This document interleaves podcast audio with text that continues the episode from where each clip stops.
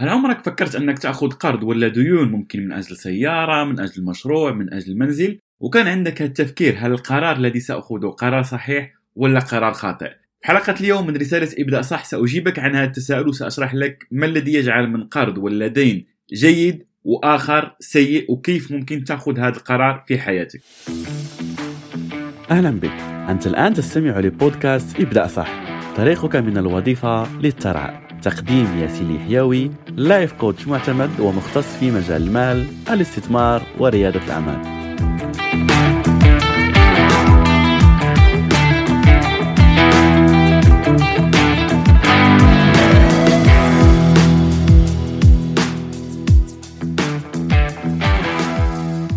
قبل أن نبدأ في حلقة اليوم خليني أوجه شكر خاص لكل الأشخاص اللي اشتركوا في دورة الحرية المالية التي أقدمها مجانا. جد سعيد بتعليقاتكم وبآرائكم حول هذه الدورة والتعليقات والرسائل التي أتوصل بها يوميا سواء على الإيميل وكذلك على الموقع. وجد سعيد على أنه هذه الدورة أفادتكم بشكل كبير. وبالمناسبة إن لم تكن قد اشتركت فيها من قبل فأدعوك أن تشترك ستجد رابطها أسفل هذه الحلقة. أول شيء خلينا نتفق عليه ولو كنت يعني تتابعني منذ مدة فأنا تكلمت عن هذا الموضوع القروض ولا الديون بالعديد من المرات. فخليني فقط أركز على أحد المواضيع هو أنه اليوم أنا لا أكلمك يعني من منظور ديني فأنا أتكلم بصورة عامة. لا أقول لك على أنه قرض ربوي ولا غير ربوي أتكلم بصفة عامة وكل شخص يعني على حسب دينه على حسب الأشياء اللي هو مقتنع بها. أخذ هذه الحلقة وطبقها على الأمور التي تناسب ظروف حياتك لأني سأشارك معك الأمور بصفة عامة كما ذكرت بدون الدخول في الأمور الدينية. أه هذا أول شيء، ثاني شيء هو على أنه القروض بأشخاص للأسف يفكرون فيها على أنه آه ممكن مشكل ويسبب لي يعني مشكل واه لازم يعني أدفعه لما يأخذ قرض. يبقى يعني هذا يؤثر على كل حياته. ممكن بعض الأشخاص لا يستطيعون النوم في الليل لو كان عنده قرض ولا دين. في الحقيقة يعني سأتكلم عن هذا يعني عندما نتكلم عن القرض الجيد ولا القرض السيء فقط أحببت أن أشير على أنه أغلب الأشخاص اللي تراهم الآن في مليونيرين ولا ملياردير أصلا ولا حتى دول ولا شركات كبيرة كل هذه الأشخاص ولا كل هذه الشركات يتعاملون بالقروض ولا الديون. فبالتالي المشكل ليس في هذا القرض وليس أصلا في قيمة القرض ولا في قيمة الدين اللي عليه. المشكل في العقلية وسنتكلم عن هذا. فبالتالي لما نجي نفكر في أنه شخص يريد أن يأخذ قرض ولا دين فهناك نوعين من الأشخاص. النوع الأول هو من نسميه شخص بعقلية غنية والشخص الثاني هو شخص بعقلية فقيرة. أنا هنا لا أتكلم يعني عن المبلغ المالي اللي عند كل شخص لكن نتكلم عن العقلية. فخلينا نشوف العقلية الصحيحة في أخذ هذه القروض ولا في أخذ تمويل سواء بنكي ولا ديون عند أحد الأشخاص. الأشخاص بعقلية غنية كم لو لاحظت قبل قليل قلت لك على أنه أغنى الأشخاص في العالم ولا كذلك أغنى الشركات عندهم هذه القروض ولا الديون. فبالتالي لماذا يأخذها؟ يأخذها لتطوير هذه المشاريع التي عندهم.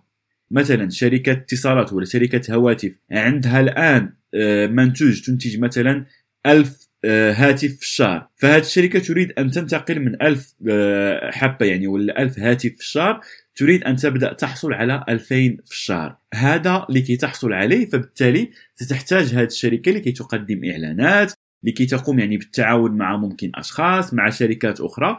فبالتالي ستحتاج لتمويل. من بين أحد الطرق للحصول على هذا التمويل هو القروض ولا الديون.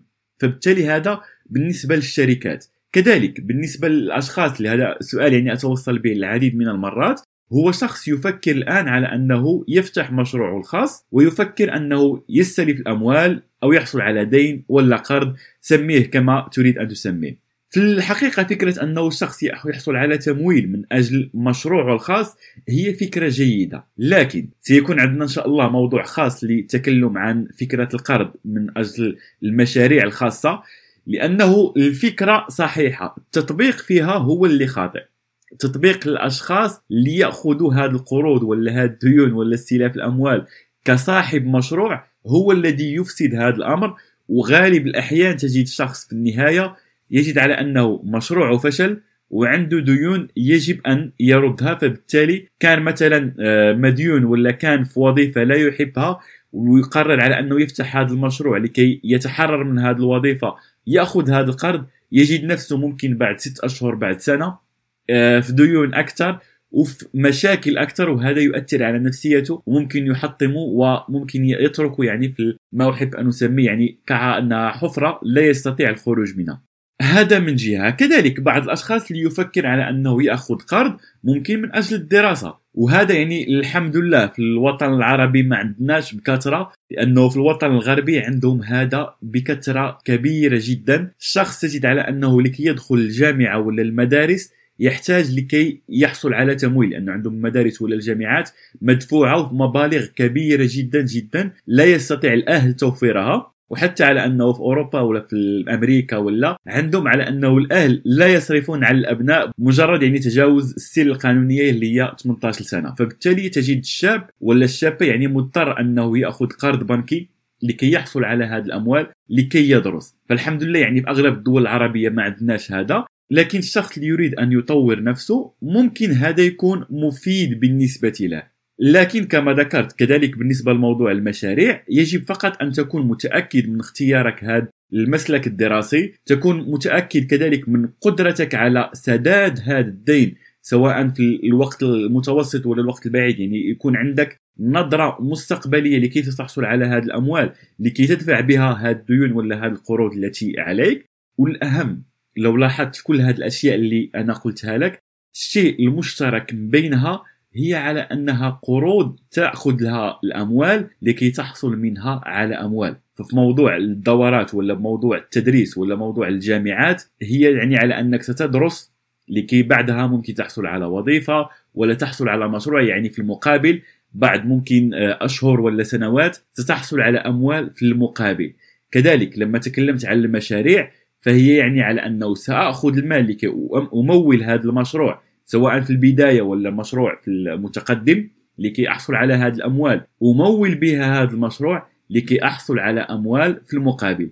فبالتالي فكرة الدين ولا القرض الجيد ولا كذلك استلاف الأموال بالنسبة للأشخاص اللي عقليتهم عقلية غنى وعقلية ثراء وعقلية وفرة في الحياة فهو يفكر أنه يحصل على أموال الآخرين من أجل أنه يبني أصول في حياته. فهذا سيؤدي بنا المبدا الأصول. يجب أن تركز لما تريد أن تأخذ دين ولا أي شيء تريد أن تقوم به ماليا. اسأل نفسك هل هذا الشيء اللي أنا سأقوم به الآن هل على المدى المتوسط ولا حتى المدى القريب ولا البعيد هل سيعود لي بنفع مادي لكي أحصل من على عائد أكبر؟ شخص مثلا حصل على مال ألف دولار هذا الألف دولار يجب على أنه بعد ست أشهر بعد سنة يصبح عندي مال أكثر منها فبالتالي أكون قادر على سداد هذا الدين وهذا المبلغ اللي عندي ويتبقى لي منه أرباح لكي أطور أكثر هذا المشروع وهذا البيزنس اللي أنا بدأته. كذلك نفس الأمر في موضوع الاستثمار. فقط يجب أن أنبه على أنه الاستثمار ممكن في العقارات هذا يكون جيد. يعني تحصل على مال لكي تستثمر عقاريا وممكن نتكلم عن هذا في حلقة مقبلة كذلك إن شاء الله. لكن لا تأخذ قرض please في موضوع الاستثمار في الأسهم ولا في الكريبتو لأنه في هذا الموضوع سأنصحك أنك تبدأ بالمال الذي عندك. بعد أن تتعلم يعني السوق وتتعلم عن هذا الموضوع بعدها لو كنت تحتاج لمال أكثر يمكن أن تفكر أنك تحصل على المال خصوصا لو ظهرت أمامك بعض الفرص. لكن عموما يعني في موضوع الاستثمار في الأسهم ولا ال crypto please تجنب أنك تستثمر أموال غير أموالك. في العقار ممكن لأنه العقار يتطلب أموال كثيرة لكي تدخل فيها وأغلب الأشخاص ما عندهمش هذه الأموال لكي يدخل في استثمار عقاري فممكن نلجأ لهذا وكما ذكرت هذا على حسب الحالات وعلى حسب الأشخاص وسأعطيك قاعدة في نهاية هذه الفقرة تمام؟ لكن في الأسهم ولا في الكريبتو أغلب الأشخاص ليس لديهم دراسة تحصل على الأموال وأنت ليس لديك خبرة وليس لديك تجربة فأكيد بنسبة كبيرة على أنك تضيع كل هذه الأموال التي لديك.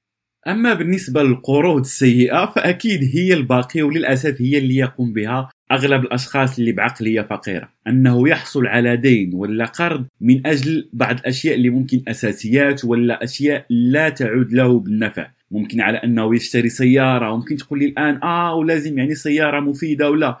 أنا متفهم على أنه أغلب الشباب عندهم هذا الحب امتلاك السيارة وللأسف لا يختار على أنه سيارة في المتناول. ولا سيارة يعني تناسب احتياجاته. لا هو يريد أن يشتري يعني سيارة ماركة ولا سيارة يعني الفلانية فقط لكي يظهر للمجتمع على أنه عنده دخل جيد وعلى مستوى معين من المعيشة. فبليز حتى نظرتي يعني وهذا يعني أقولها لك من حب لا تأخذ الموضوع على أني أنتقدك.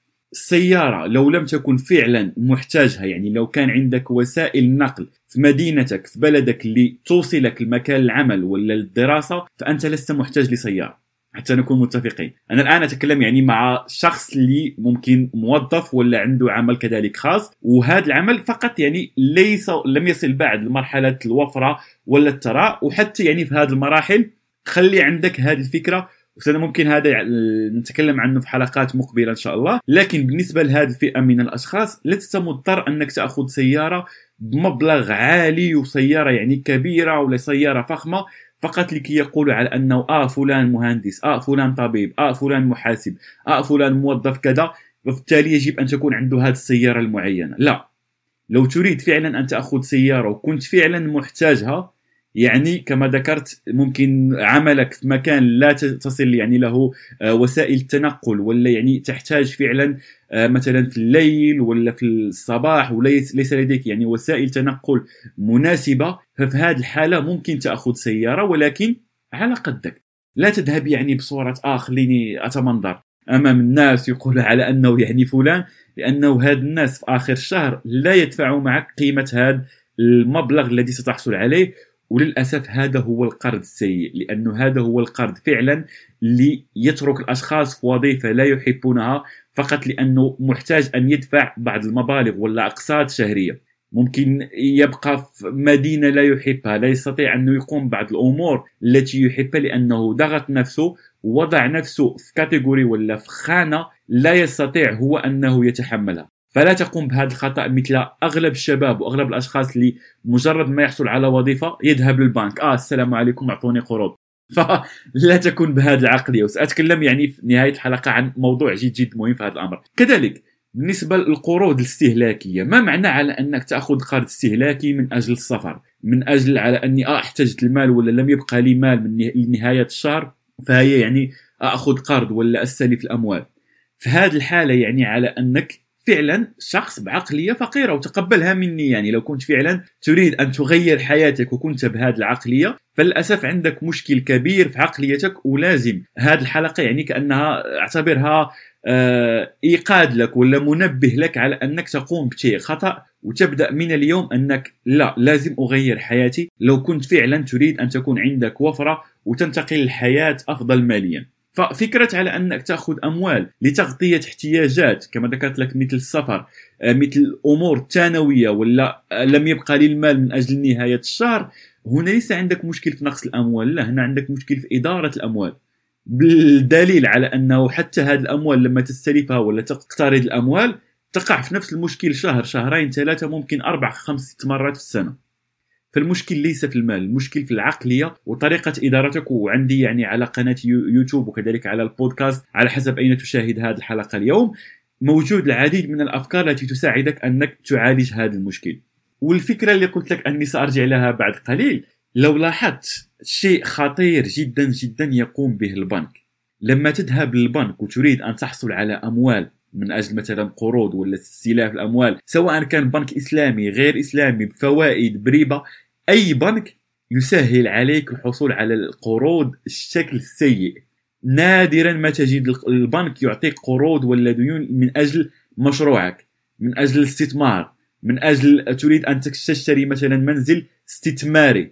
لا هو يعطيك أن تشتري منزل لتسكن فيه. يعطيك قروض ويسهل عليك الحصول عليها لما تريد أن تحصل على سيارة. لما تريد أن تحصل على قرض استهلاكي آه مباشرة ممكن في ظرف أيام قليلة يعطيك هذه القروض على حسب السن وعلى حسب هذا. لكن لما تريد أن تنشئ مشروعك كمية العراقيل التي يضعها أمامك البنك في هذه الحالة لأنه السيستم لا يريد منك أن تكون غني. أكيد عندها بعض الأسباب أخرى يعني في البنك لأنه يعني لما تحصل على سيارة ولا قرض لو لم تدفع مثلا في المنزل ممكن يأخذوا منك هذا المنزل إلى غيرها.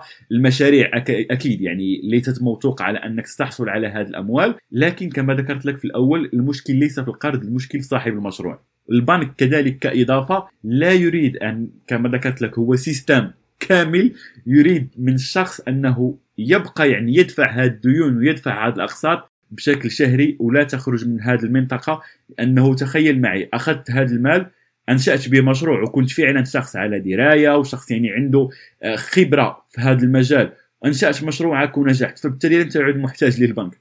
فكما ذكرت لك هذا واحد من الأسباب وليس يعني كل الأسباب. فكخلاصة من هذه الحلقة بليز انتبه لهذه الأمور التي سأقول لك. لو كنت فعلا تريد أن تأخذ تمويل من بنك ولا من مؤسسة ولا من شخص انتبه على أنه هذه الأموال تكون أصول وليس التزامات. تكون أصول بحيث تضيف لك أموال في المدى القصير والمدى المتوسط ومستقبلا بإذن الله المدى البعيد. لا تأخذ أموال من أجل أن تستهلكها من دون أن تضيف لك أصول في حياتك. وفي نهاية هذه الحلقة شكرا لمتابعتك وأراك في لقاء قادم إن شاء الله. ولا تنسى ابدأ صح تنجح صح.